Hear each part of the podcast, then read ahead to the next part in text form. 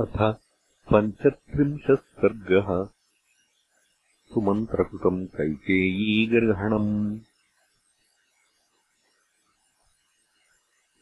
ततो निर्धूय सहसा शिरो निःश्वस्य चासकृत्। पाणौ पाणिम् विनिष्पिष्य दन्तान् कषकटाप्य च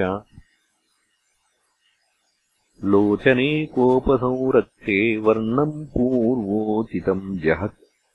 कोपाभिभूतः सहसा सन्तापमशुभङ्गतः मनः समीक्षमाणश्च सूतो दशरथस्य सः कम्पयन्निव कैकेय्या हृदयम् वाच्छरैः स्थितैः वाक्यवज्रैरनुपमैः निर्भिन्दन्निव चाशुभैः कैकेय्याः सर्वमर्माणि सुमन्त्रः प्रत्यभाषत।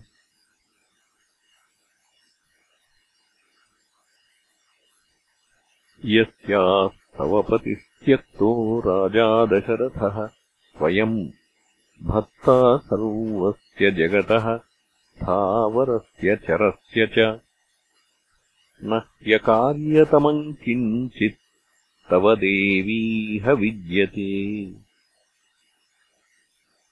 पतिघ्नीम् त्वामहम् मन्ये कुलघ्नीमपि चान्ततः।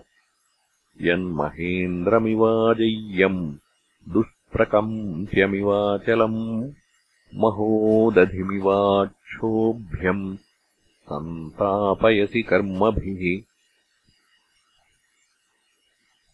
मावमंस्था दशरथम् भर्तारम् वरदम् पतिम्।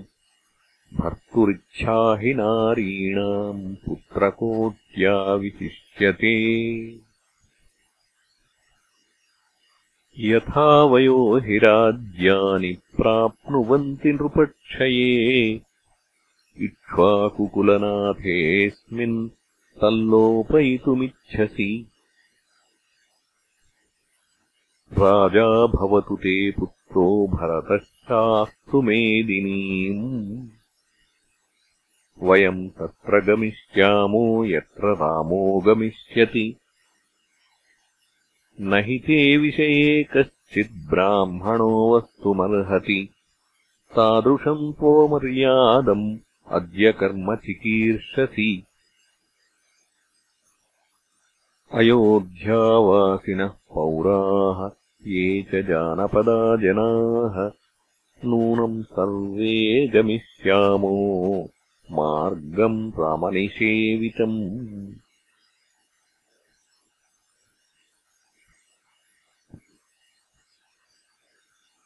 त्यक्ताया बान्धवैः सर्वैः ब्राह्मणैः साधुभिः सह का प्रीती राज्यलाभेन तव देवि भविष्यति। आश्चर्यमिव पश्यामि यस्यास्ते वृत्तमीदृशम्। आचरन्त्या न विवृता सद्यो भवति मेदिनी महाब्रह्मर्षिदुष्टा वा ज्वलन्तो भीमदर्शनाः।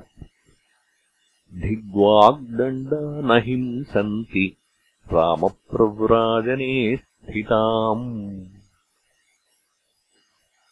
आम्रम् छित्त्वा कुठारेण निम्बम् परिचरेत्तु यः। यश्चैनम् पयसा सिञ्चेत् नैवास्य मधुरो भवेत्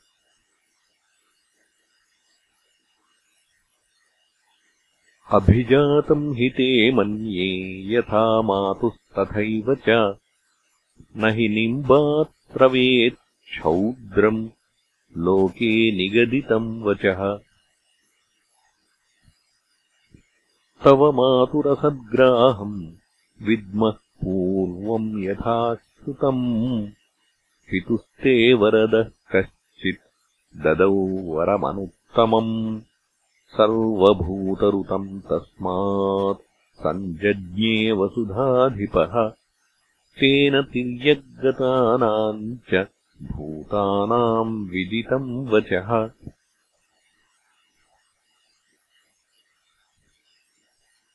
ततो दृम्भस्य शयने विरुताद्भूरिवर्चसः पितुस्ते विदितो भावः।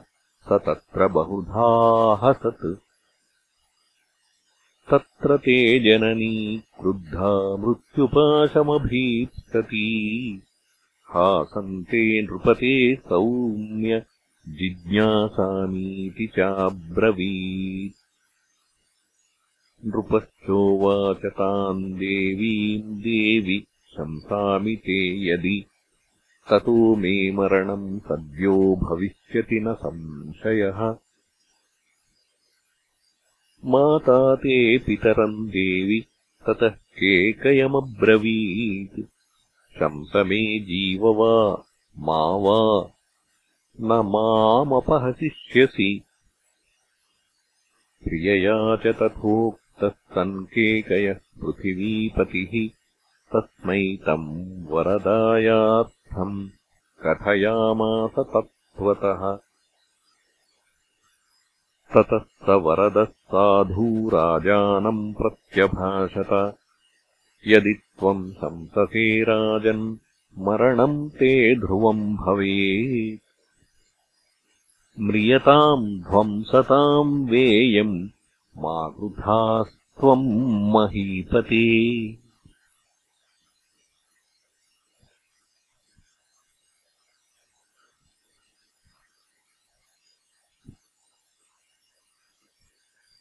स तच्छ्रुत्वा वचस्तस्य प्रसन्नमनसो नृपः।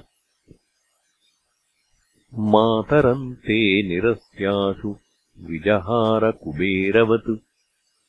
तथा त्वमपि राजानम् दुर्जनाचरिते पथि असद्ग्राहमिमम् मोहात्।